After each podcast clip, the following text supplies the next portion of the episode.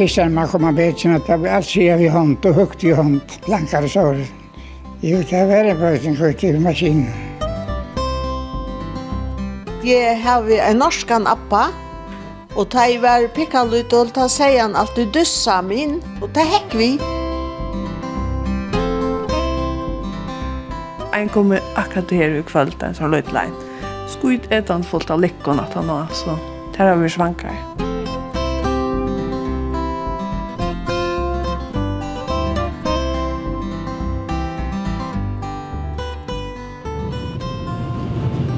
Gåan det, og velkommen vi og Nutjan Tur.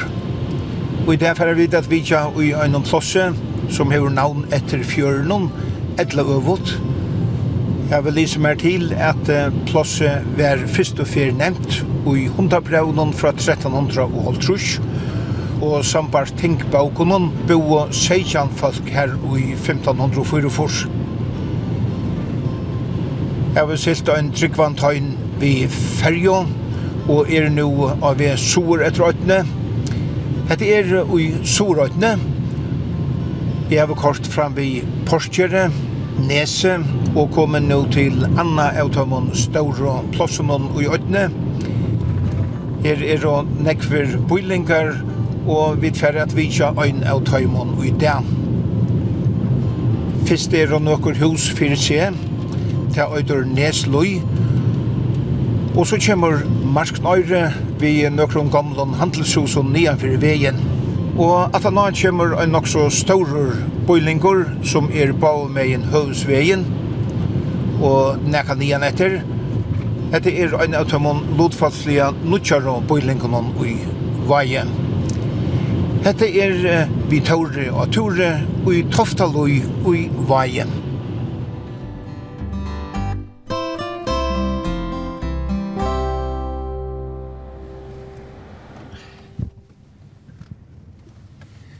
til her sambøylier. Ja, et grønt. Eldre sambøyli i Vaje. Og her bor en maur som har bo i Toftaløy, altså et løy. Han er 108 år gammal. Føtter i 1918 og juli måned, så, så han er nærmere 102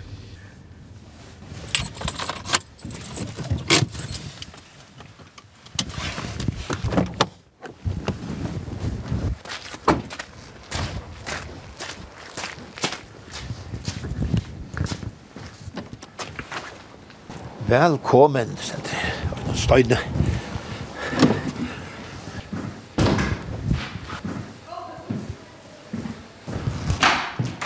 Og det er. Velkommen. Takk for det. Hei, Paul. Hei, Gåe. Nå er han her. Jo, han det? Nå er han her igjen. Jo, han der. Paul, ja. Ja, det tar du, Mikkelsen. Tar du, Mikkelsen. Ja. Så la sig en føringsleggingastonke pojker og gjer, og ta det til bakka, så, så brukte han til stedveisene. Så la sig ikke ut, sett ikke. Utrolig flott. Ja, ja hun går med det, hun. Og frem til så snakk om flere sannsene som hanker her i, så har du også ja. kjørt knuivar, og hva er dette? Du har gjort? Ja, det er først gjerne sett. Da er det fikk han steik ut, det er han som tør. Det er det til det. Det er jo nok sånn, ja, ja. Ja, dette er utrolig snøkt. Vi har noe kveld som skåren er nå i. Ja, kveld, ja. Og lagt ned i føreska merke. Det er nok for kindak når man gjort det i Jesus der. Og Batman begynte vitt, men han gjorde det ganske flere omtrakk med. Er du kjørst i mest anna, Øsne? Ja, så jeg kjørst i mest anna, Øsne massa kvintaknøyene, jeg er nok var, jeg var ungen av ikke at jeg kvintaknøyene. Der er rundt om, jeg hadde bygd den der, der, alle stene. Ungen av ikke selv Annars er, er bautsen her, som heter Porsjesøva. Her, her er, det er bøyder foreldrene kommer i.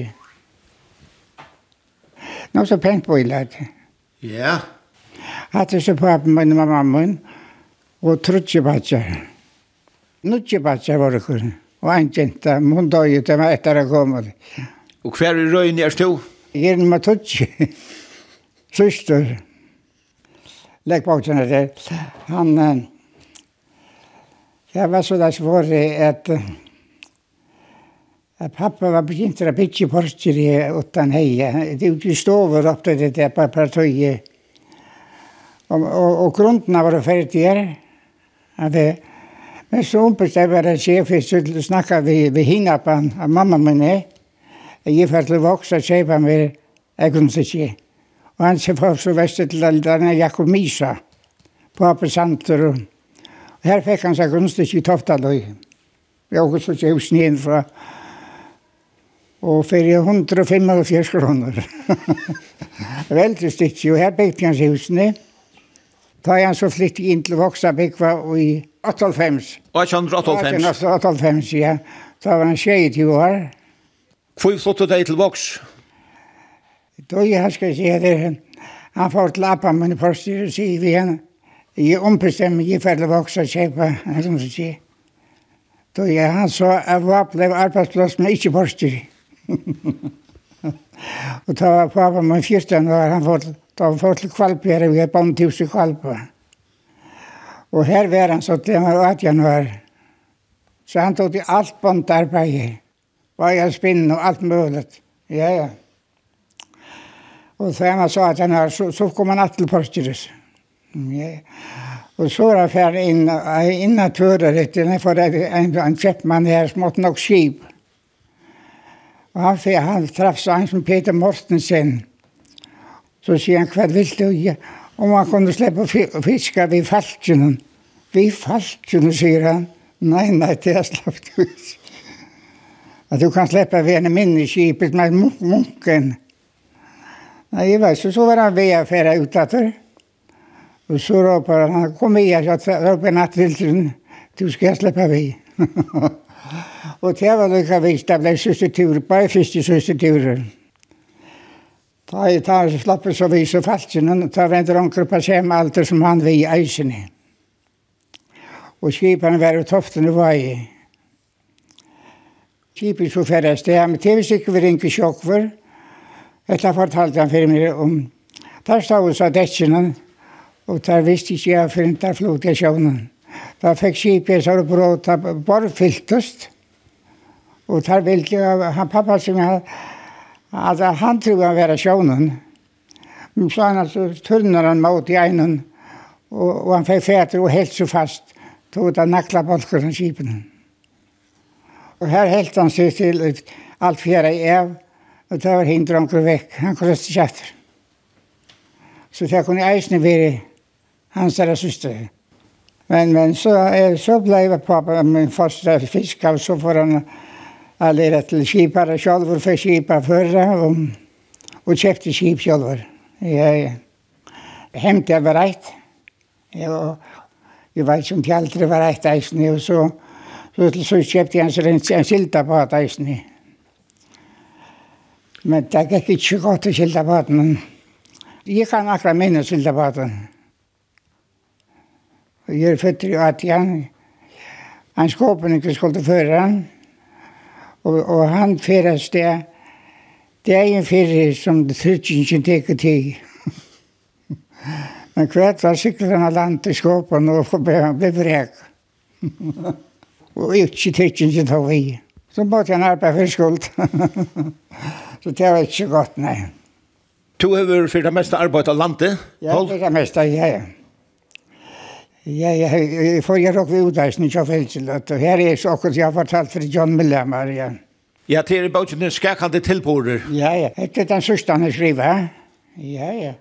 Her stendte forskjellig jeg har fortalt, og en seks, seks tilbårer. Og det var særlig en, en tilbårer som i kyrkjen i Uhaie. Jeg med var ferdig til å rense lottene, altså klokkene, Og han kom under en pall, han skulle rensa okkur. Og utlottene får så nye kjønn tvei gull lykke for kyrkina. Ta arbeid jeg timpelakna kørenen. Han kom så vest til morgen på meg velsignet, kom ut og nekla for hålet i kjøkken. Det var en frutja det her. Og tatt til for holde lotten oppe, at jeg hadde noen fyra lotten, så stod stavstånd og da. Jeg vi en fjørte punkt alltid. Og jeg fikk meg sånn at jeg finner til og få seg ut. Og her var alt var vekk da, vet du. Jeg tok det ikke meg, og man her stod og så. Jeg, jeg sette oss opp mot hålen og far opp mot hålen, bare at han kan flyse vekk og sånn. Jeg visste ikke mer. Jeg minnes det, men det var en bulter. Da da jeg teket det siste lotti. da mistet jeg det. Og, og mistet det, og ta siste i stand til hålen. Det kom tett ned i øyrene av meg. Og at det som stod var, da jeg kom til natt og la jeg gulden. Da kom til å bli med seg steg igjen.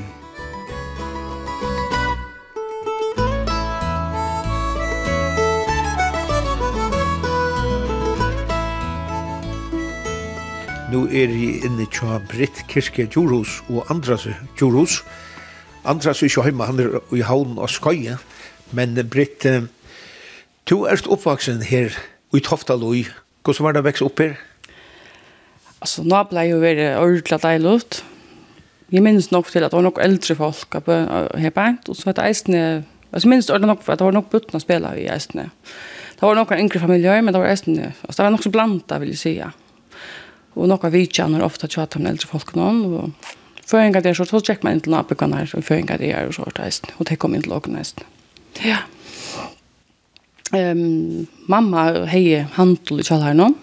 Så det kom jo en av folk faktisk inn til Och Og det minns jeg ordentlig, det var en stortlig tog faktisk, alltså at ha var handel i kjallaren, man slapp å sette vører på plass og sånt, men det stortlige var at folk kom inn og kjeipa, og slapp å gjøre at de kjeipa. Det gjør så lyd til at, vet, så bare telles benkene her og det, det var det stortlig.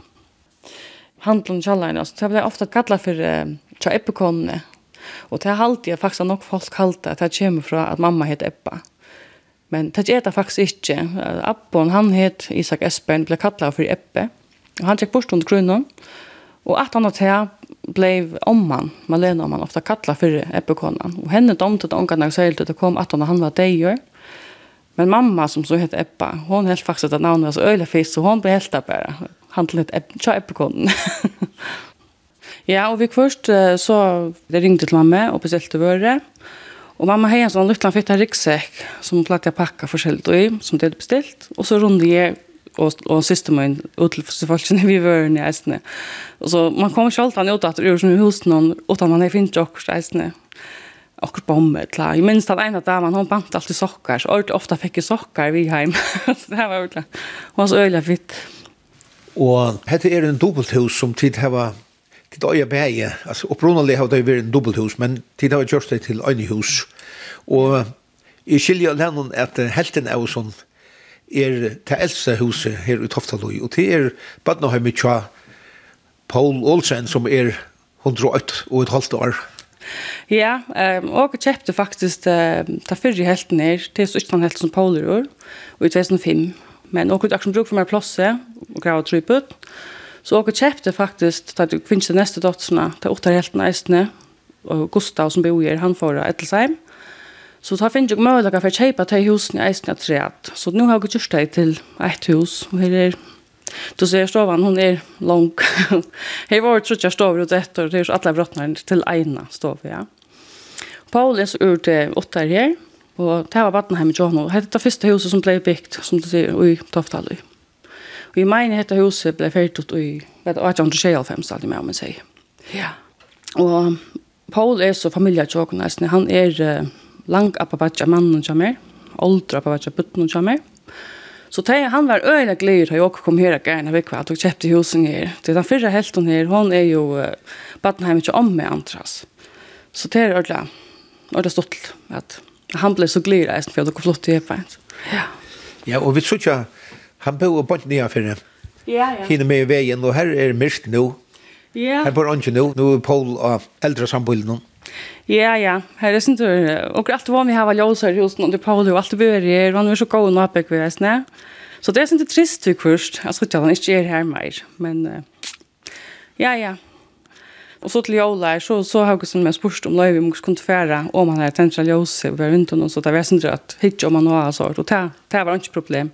Så där ställ hon allt jag Jola så att Jose just nästan den är lampan som han ofta tändrar i i gangen och så ser han ja så han har tändrar ju också. Ja. Ja, ja, jag minns det bara inte så han det tar fast land, nu är fast land där men att man check ut att det är inte tofta eh grøyle, og man visste hver, hver hus man skulle ui sort, og så må de til ordentlig godt ha for grøyler, og var essensera gavemild, vil så essensera. Det var ikke bare ett bommel eller tvei, det var altså... Ja, ja, det var mer enn det, ja, sunket som man går for ångt i ja. Så jo, jo, det var visst han var deilt av boebeint, det vil jeg si, ja. Og om sommeren er det virkelig var godt og sånt, så vet du så spølen og grudde ute, og ångt du så spølte du gressen grillbar, og og får ut samla forskjellige blø, og anker blomster, og anker så finner jeg for at anker stikk og spiller eller et eller annet, og så skår du alt nye og spiller grillpær. Det var ikke stått til det. Det minner seg knokkbuten etter å gær noen her. Og så vet han, jeg vet den lange brekken ut ofte løy, her så kvar hammer nyan etter helt nian til tørne. Gikk allan veien nian her, og skrett i allan veien om han att Det var en tung brekka ganga nyan, men hun var virkelig stått til å skreie om han.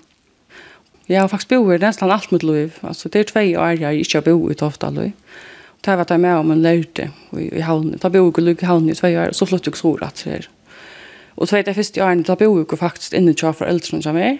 Vatnaheim som är. Og så kjøpte jeg grusen i bänt. I 2005 som jeg sier i Annesne. Og flyttet så ut helt bänt i sörsten av 2005. Nämligen. Ja. Er det stor brøyting fra 22 år på til och? Ja. Ja, det er det absolutt, ja. Her som Battenheim kommer her, her deiler du veien i kjøkka som er i tvei, over vi gjør, som jeg bor, ja, og nyere vi gjør. Um, og over vi, her bare samlet i alt jeg spiller. Jeg spilte nok forskjellige spøl, det har virkelig stått litt, altså til ut samlet det her, og spilte fyra penn, så kroppet elastikk, og man lakker paradis, og alt mulig så spillene. Og det var virkelig, virkelig en, en deilig tog man man checkar spelet ut av någon och här var så high bil där då så tappar jag gott till. Och kom så en bil och ja men så så flott man skulle lycka och så kom man gå spela lunch att en nästa kom åter då.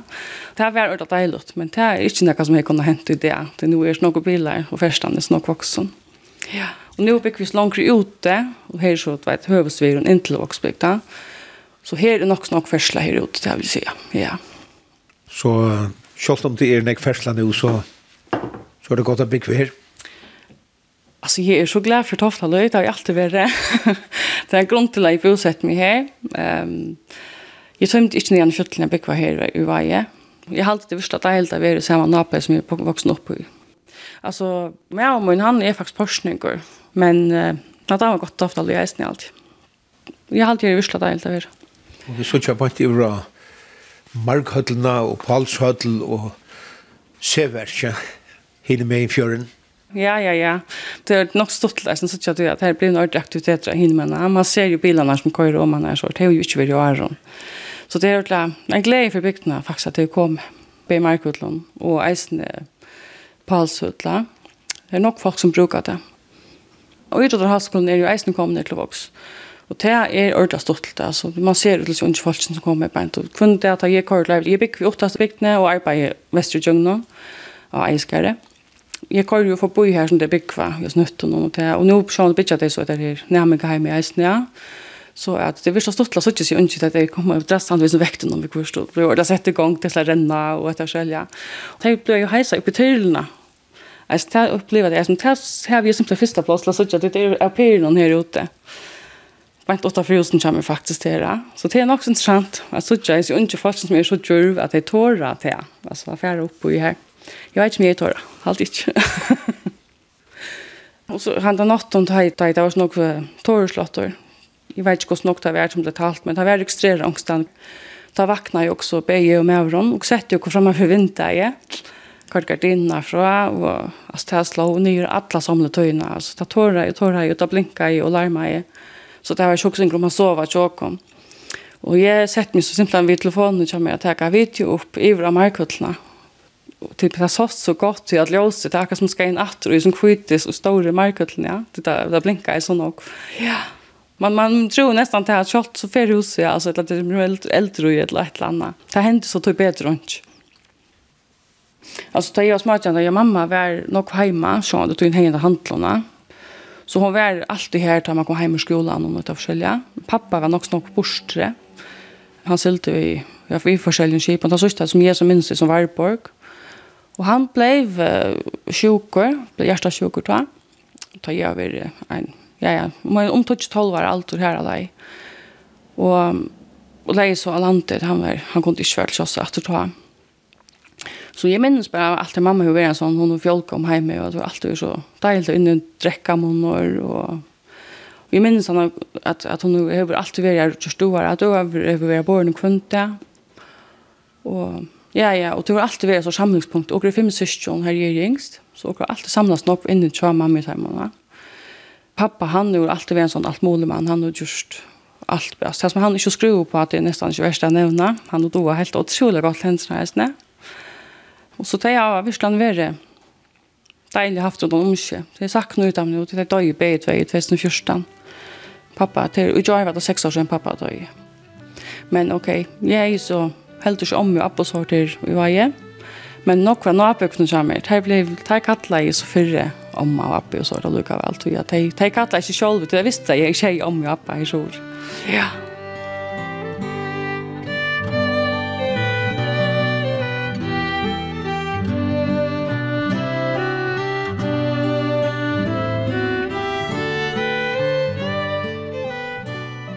Paul Olsen, Hva er hoksa du da du felt i hundra?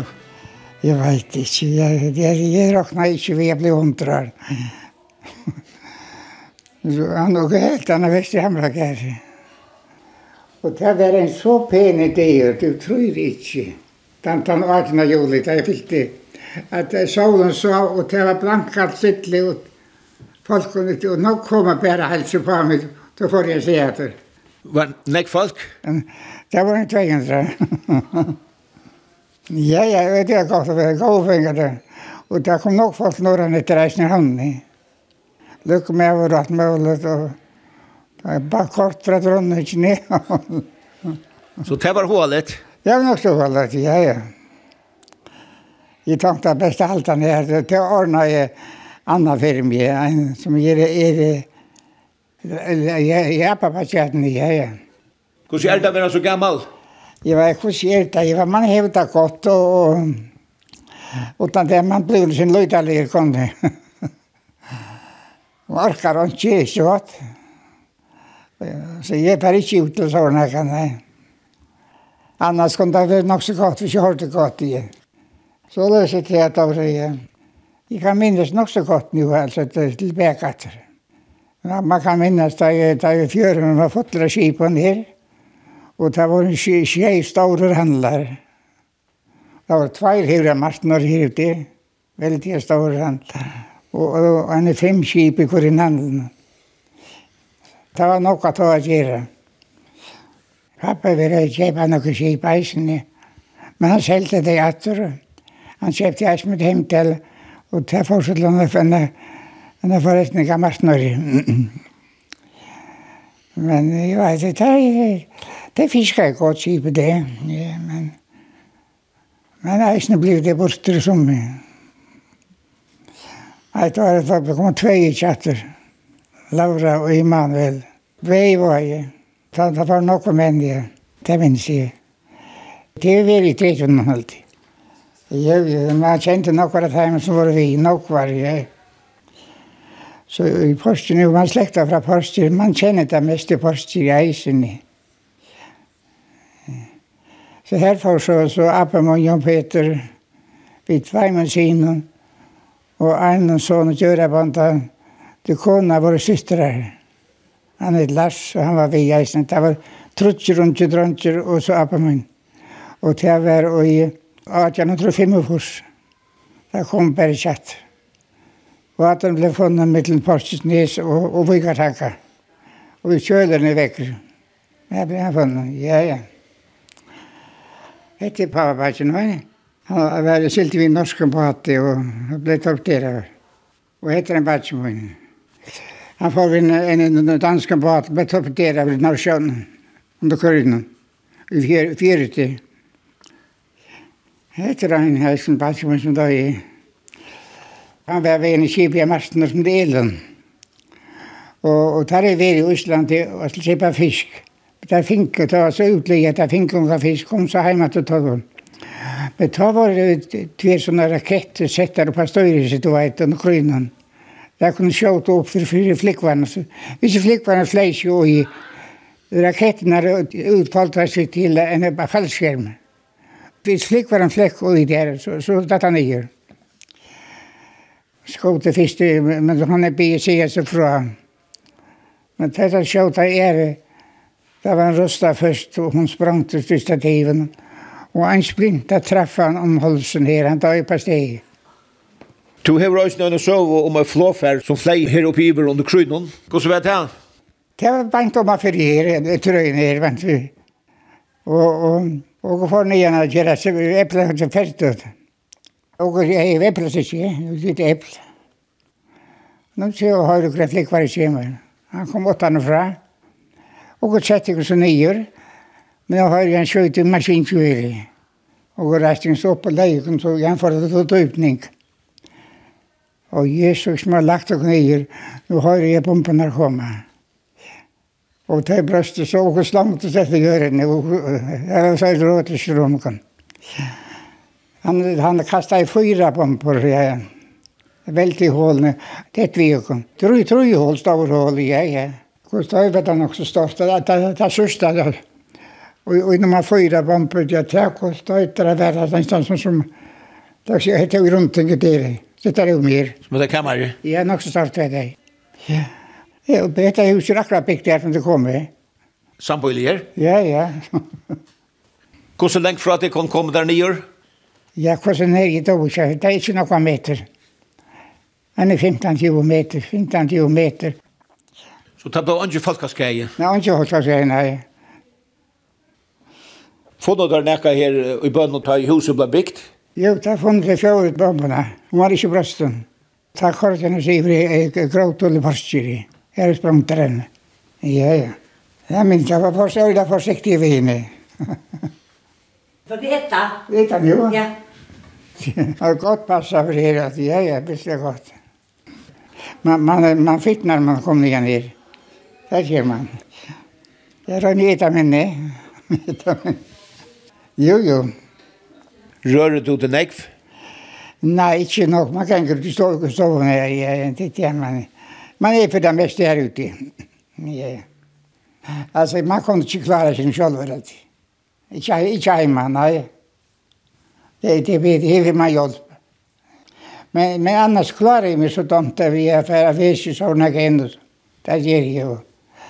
Men så fyllt man äldre skulle jag. Och det är som mat jag blir två år. ja, det var just sånn. Hvordan føles det? Nei, jeg vet ikke. Det er akkurat samme alltid.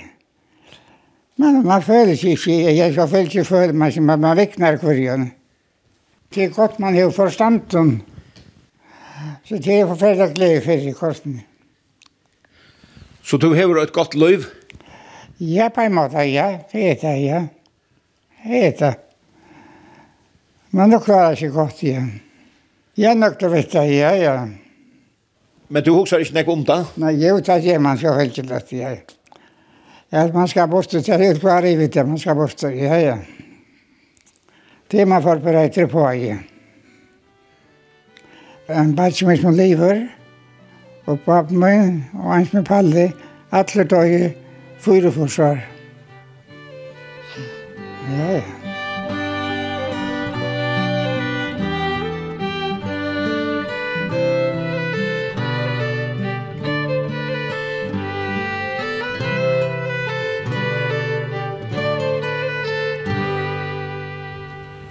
er byggva Bjarni Johansen og Rona Vendingsted Hansen. Hon er ur skåpen. Jeg har han kanskje en tilflytter i Toftaløy. Bolagast. Takk, takk. Hette er av Voksvegen nummer 11. Og Rona, hvordan er det tilflytter her i Toftaløy og i Vaje? Jo, det er fint. Det er deilig. Jeg tror det står det godt. Jeg har vært i kjøtt 16 så det må være i lege. Da jeg kom her fyrre fyrre i det jeg tar, var du ute i sykleie? Jeg røyne jeg sykla, flere fra vikna. En 30 kilometer hver jeg fyr, Vi gosset så jeg. Kanskje man enda er på Røys, man vet ikke. Vi rynker by? Ja. Jeg er gosser så alle innom, så får det så ikke hvordan langt det røkker. Ja. Og er det hardt? Det er hardt. Men man skal bare begynne. Det er verre åren man begynner. Da man så kommer i gang, så tar man det herfra. Vi er trutjar som er, er, er sore fra, og vi er atler tilflyttar. ja. Bjartni har vært tverfer, og da vi er steg av basene, så helt jeg at nå skulle jeg prøve. Og til mot overraskelse så slapper vi i. Det er ganske ikke vant Jeg atler at det skulle være tanken som deler, så... Så vi må bare røyne. Og Bjarni, vant at du at hun fer at komme til Paris? Jeg heter vant det vi du vännen som hon hon uh, kör vi nu så så er det ikke problem til henne å komme fram veien fram. Tack du. Og du er är oppvaksen her uh, i Toftaløy. Hva er det for hus. Og har funnit här husen för tjejer så igen och jag var på det og finnes det. Jeg har alltid også trivas godt til på en. Det er uh, sind anonym hus uh, en en uh, äldre märskskipare i åtte deg, og i nok var men han, han var ute i sylte til, til mesta av sin løyve. Og jeg har ikke ordentlig finnet oppspåret ned det i bygd, men Kjetlen var fra 1922. Så de er bygd nok til å ta først i alfjersen, men de er vel øyelig anonym til at her er noen som så ikke vil løyve i den. Men han er silt og flottet så ut at han ble folkepensjonist. Og bo så til, til han får herfra. Det var sånn, jeg jag kom komma bak vad vi hörs vi men att det att här allt görs runt om gærer, och det stora gärer nyan för och det øyla, allt det gjørs du god om kvalitet så på tandmatan så var det ordentligt godt. Hvis, hvis vi det byggt nytt så är man kanske ikke kommit till gæren för när man jo är så på tandmatan vet jag ikke problem och bøttene har respekt för bilden Jag kan kanske ja jag så för kanskje kanske att bilden inte har respekt för bøttene, men Det må bare komme. Er det en trobladje? Ja, det er en trobladje. Tog at vi stod bænt ut av veien, og bilene kører kjøtt forbi. Folk sitter i ferdtelefon og alt med det kører, og det er kjeilig. Det ta skal en hentor, ta trykker vi først til han som kørte et la vi donner over oss særlig glad for det. Så det er, ja. Jeg håper bare at, at det ikke skjer noe, men, men det er en øyelig trafikk Først av er hinne med veien Men vi skulle faktiskt tvärs om vägen först så ta ta ta er trafiken öliga. Vanda Mitchell. Så till tracka bant ut av vägen. Bant ut av vägen, ja. Så vi också kjenner det SMS akkurat då så så er vi fire. så, ja. Men vi tar en deilig en pizzakøk, så tar vi det kör Gjør en åttra, så løper vi bara in till stedet nätt. Bant vi så innan det. Ja. Tackar mig så inte farligt. Hvis man ikke dår, ha pass på det som er kanskje nok så spesielt her, det er at her er uh, her kommer bare spille i mølene, og det kjenner jeg jo ikke så til og, mye i heimbygd og skåpen, uh, og det har vært mye bøtten gjør som de eldre, da de var yngre, da spalte de ordentlig nekv i mølene, så det var ordentlig deilig eh, for jokken. og det er veldig vanlig her i veie at man spiller i mølene. Ja, ja, det har vi. Uh, och flekar og och gummibåtar och allt det här. Det, det var lov i förr. Altså, det var alltid bötten i Mölden. Altså, nu, nu er man Kjoltan at du ser något bøtten. Det jeg vet ikke om det er alt blir farlig. Altså, Det skal helst være i, i flåtedraktar det for om man er. Men alltså, det ikke du grinner langt ut der. Det görs du. Ehm, jag är i Kyrkjøren Ljome, så det brukar jag sin drömmen att tog på. Det damer mig otroligt gott og man får lukka som et helt annet. En helt er omgangskrets og, og lærer noen andre folk å kjenne på en helt annen måte og eh, dotter ikke noter ta i begynte. Mm, dotter bedre nå. Jeg vet hvorfor opp og hvorfor nye tar her middelen er ganske sint sverre men eh, men det er eisen stått litt du lærer alle det noe nytt og jeg bruker nok øyre. Det har jo hjulpet meg nok så vel. Og så var vi et skiftande kålegjerer, og til eisen et opplevelse til ønsken loika. Det er ordentlig stått til å være vidt til det, og samverna og alt det. Vi har vært, jeg er også ved vi utenlandet Åttanlanda, det er så ett år siden, da var vi nere. Og så er det blindklubberen, han, han er fyrst kvann det, og så alt han leisa, som vi ganger til. Vi drar inn eisen her for utenlandet.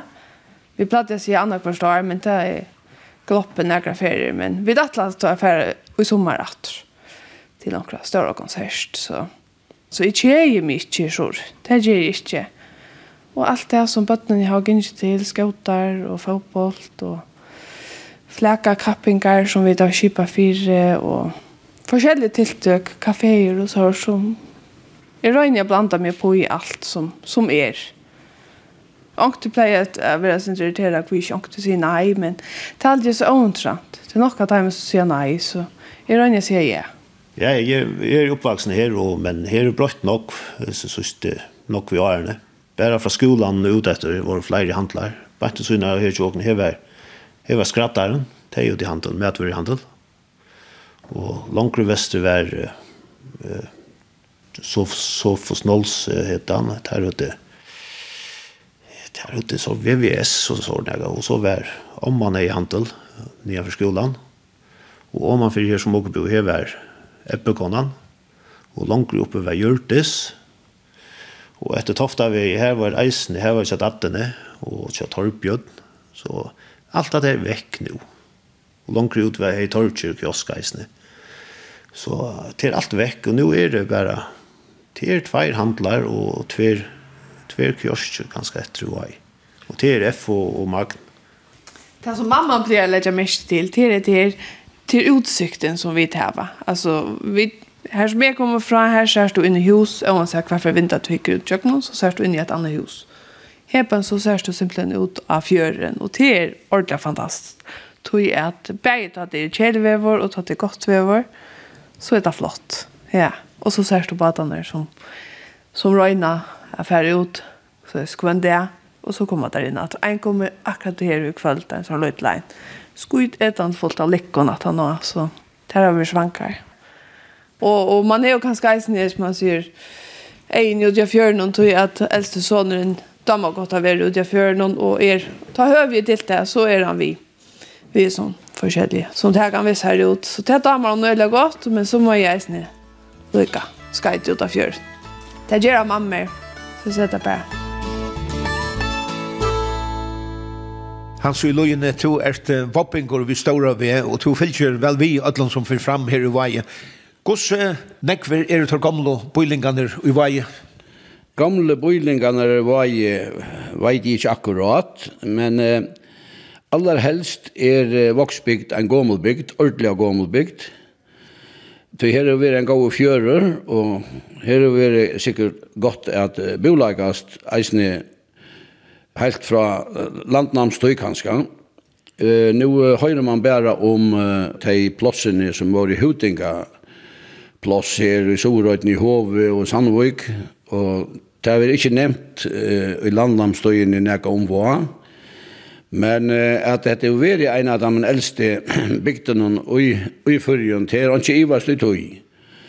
Og da man så nevne boilingar, så halte jeg at, um, at de første bøylingene jeg var veri her, og veri oppe i Tofton, og, og vi krajer.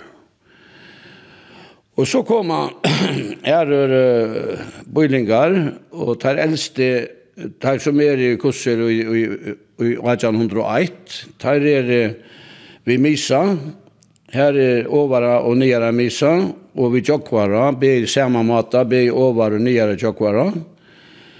Og så i smittlån, vi krajer, och Øyre, av Skala, vi Kvantalsa, og i Tofton, og i Tofton her er så enn eit hus som er, som er verveit eh, til i Sjurhus. Det er eldste huset som er stendet nu i vei, men Her var nok et av eldste boplasset i Ujesarbygd. Settene i 1803, da kan man så sutja at at er boilingar var stund ikke opp, og, og man, man kan nevna i Brekkekjere, av Møyre, og inni i Løyene, og vi krossle, og vi avsager. Her, teir boilingene, teir koma som nega settene, og Jeg selv er slekt av ur Løyene, og uh, Løyen var første ferien er bygd i, i 1804, hver en med som heter Hans Jakob for inne Løyen er bygd men av hver årsøk vet jeg ikke, men han flyttet så heim om atter, Og ikkje fyrir en uh, seitni og i 1800-trussen, kanskje seinast i 1800-trussen, Eh, ta för folk eh, att bitcha att in i lojen in i toftorna som han Hans Jakob har byggt framan onta.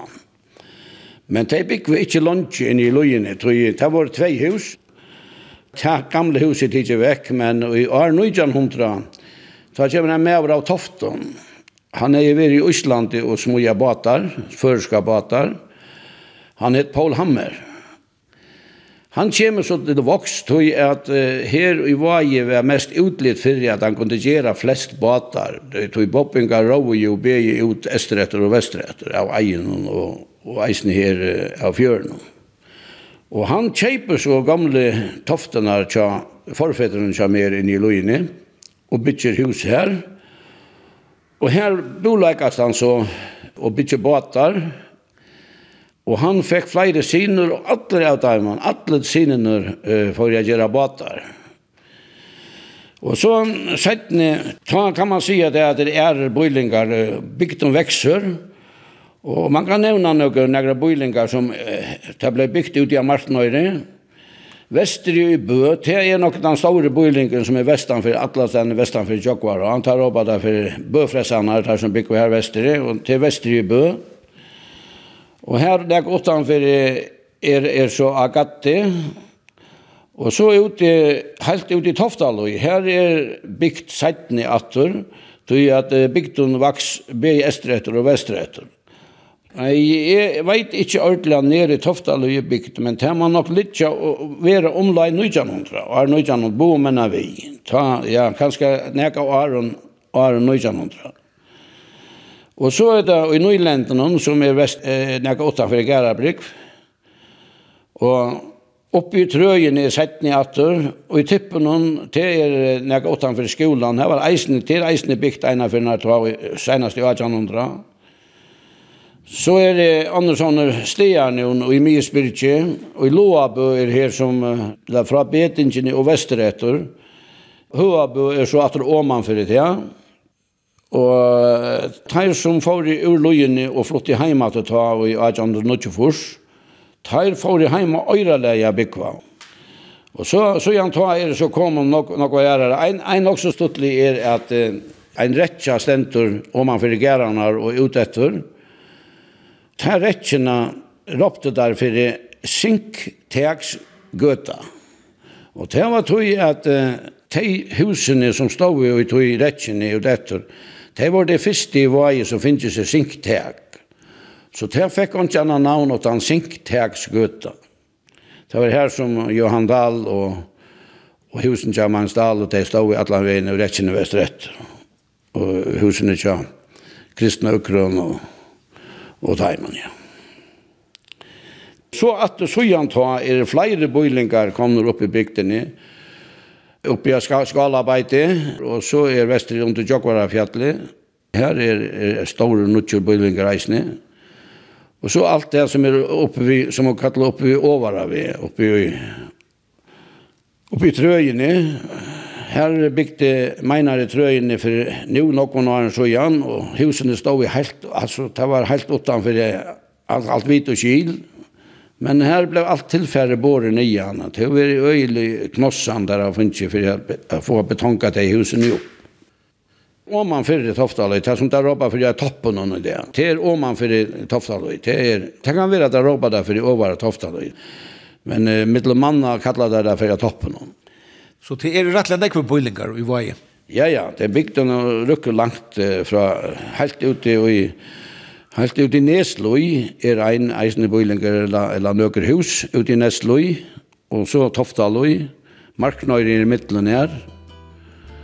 Og Toftaløy er en av de større bøylingene, no? Ja, her er, her er bygd hus i hus bomen av veien, bomen av høvesveien, alle veien og dette, så her er nok hus i Toftaløy.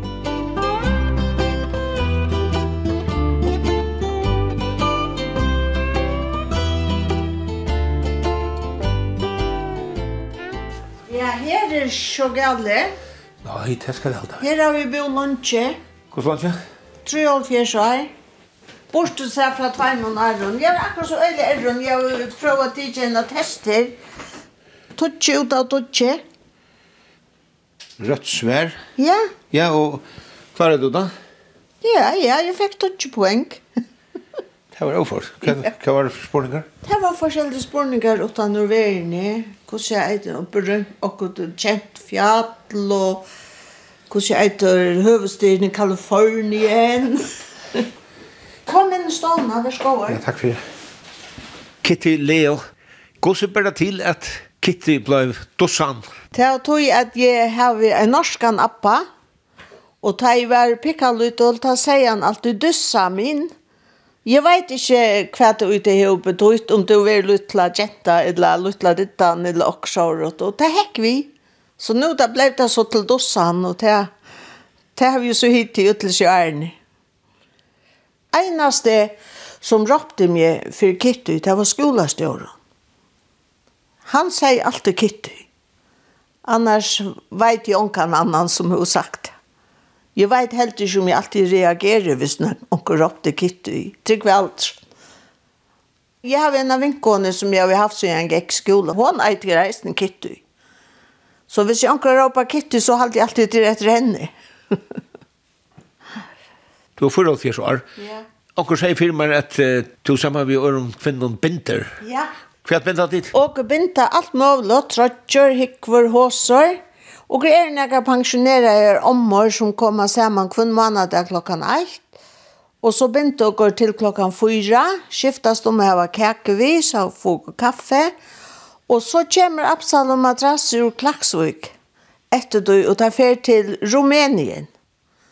Det tar jo just nå i, i noen år, en seks år, Og okkur hava til stortleikare skriva opp hvordan nokku okkur hava bunt til i djungnes og ærene til Ishmavis, til nokk. Er det høydkleier? Ja, trøtjer og hikvar og håsor og vøtter. Ja, det er alt ur ull som okkur binda, altså ull.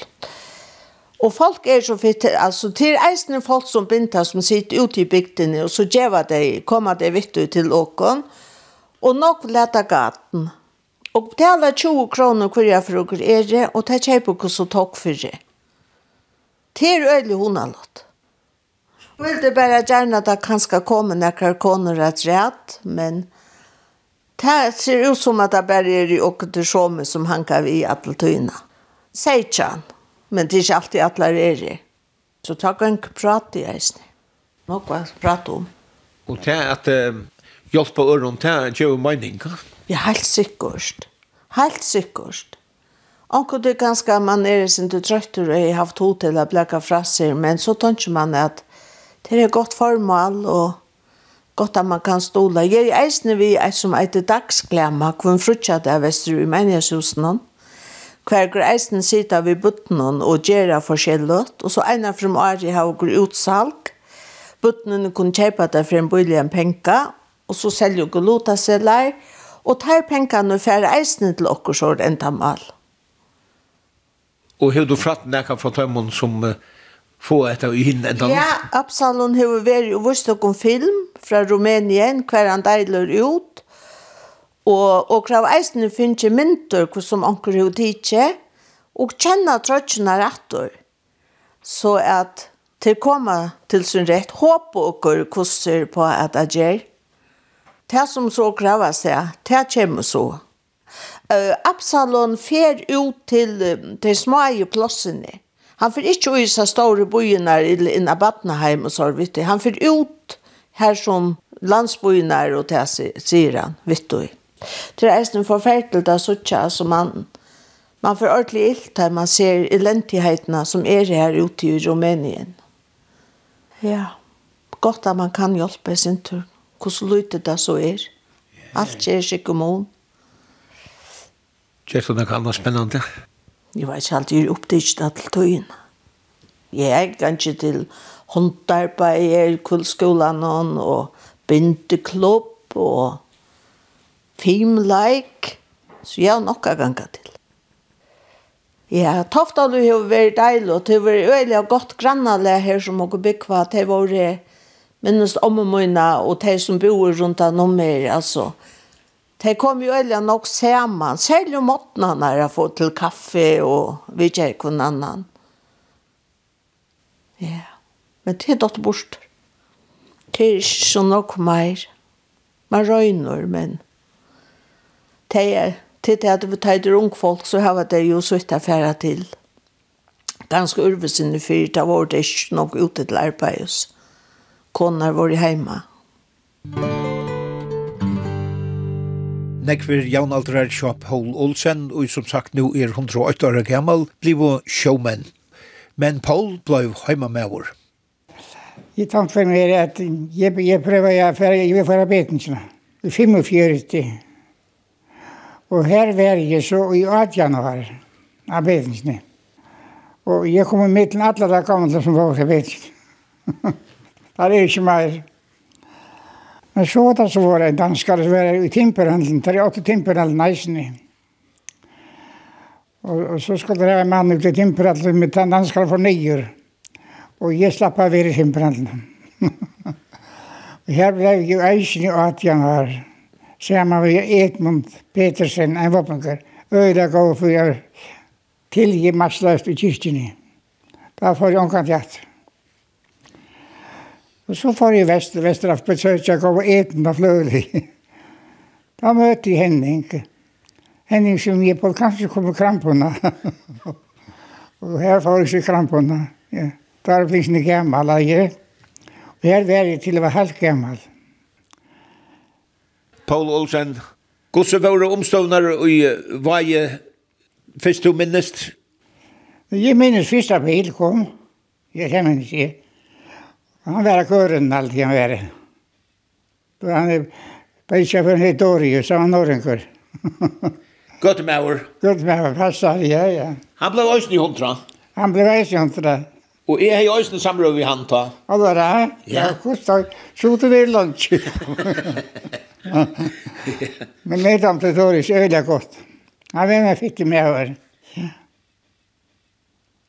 Hva er du er den største brøydingen I tøynar tøy? Ja, men maskiner er nokka tøy. Ja. Da jeg var betingsnitt, da var ikke maskiner her. Og jeg fikk hulmaskin, særmaskin. Ja, så det var veldig lett. Først da man kom av betingsna, da ble alt skjev i hånd og hukt i hånd. Blankare sår. Jo, det var en bra ting til maskinen. Det er nok brøtt igjen da igjen. Og jeg er nere i først for først ved til havner. Nå er ikke tredje vi. Det er veldig godt i gjøre av gammel. En med var smirlig ble sjukker i håndene. Matrausen på smirlig. Så slapp jeg fyrre igjen akkurat måneder. Så jeg kom vi rundt i fyrjen her, ikke nødvendig smirlig. Akkurat akkurat ikke her. Da er alle nordmennene kom til havner. Og Paul, du fikk der unga til kono? Unga til, nei, nei. Man bor som er kono, for ikke lykke av Du kono for at bo i husen. Hvordan ofte har du vært uten lands? Jeg er bare en av dere. Og til en trusse år siden. Og var det mannen nere, og man fikk ferie, alt, alt i huset. Tve kjenter, og så lever og kona i Danmark.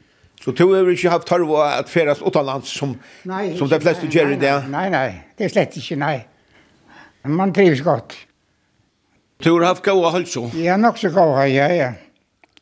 En skjønt man har plakket av sjuka vel. Altså, altså, vi, vi i vattnet. Lukka fra ungen jeg var, og man har plakket det. Men det tåler jeg godt nå ut, det er det jeg ikke sier til. Det er ikke betennelsestabletter. Og doktoren ber meg teka eina betennelstablett, eina som dagen. Og det vil rikka? Ja, det vil rikka godt, ja. Hette er flikkvann som var på i, i var i. en ein, ein jenta som bor i, i, i alt det vi i sjusen alltid. Hun var ferdig ut og fotografera nakra åter. Men gjennom sin, nu kommer så flikkvann som hun på i. Og helt alt på i der jævn. Så lukter han være, så det skjer. Ja, det er visst. Og skjeit atla tøyen etter, mena flere netter. Det er funnet forskjellige kuler i åkenhusen, det er som det traff jo i. Ja, ja. Her er en god mynd av der, vi er nere syklo, ja. nye for skolan og kyrkjena. Det passer, ja, ja. Paul Olsen, juli og i 2004. Hevde du sykla, Nekv? Jeg sykla nøkki. Og vi tror ikke på at jeg vet, jeg atter i sykkel. Jo, jo, bare bruker bare sykkel. Begge lukka til veri hjemme. Og jeg tror ikke, og jeg atter i sykkel bare, og jeg vet det sommar. Jeg har nøst at det så kjær i tåret. I det har jeg drømt i alt om. Lukka matta, det var sér og hun har lett. Takk fyrir pratet. Lukka matta, takk fyrir pratet.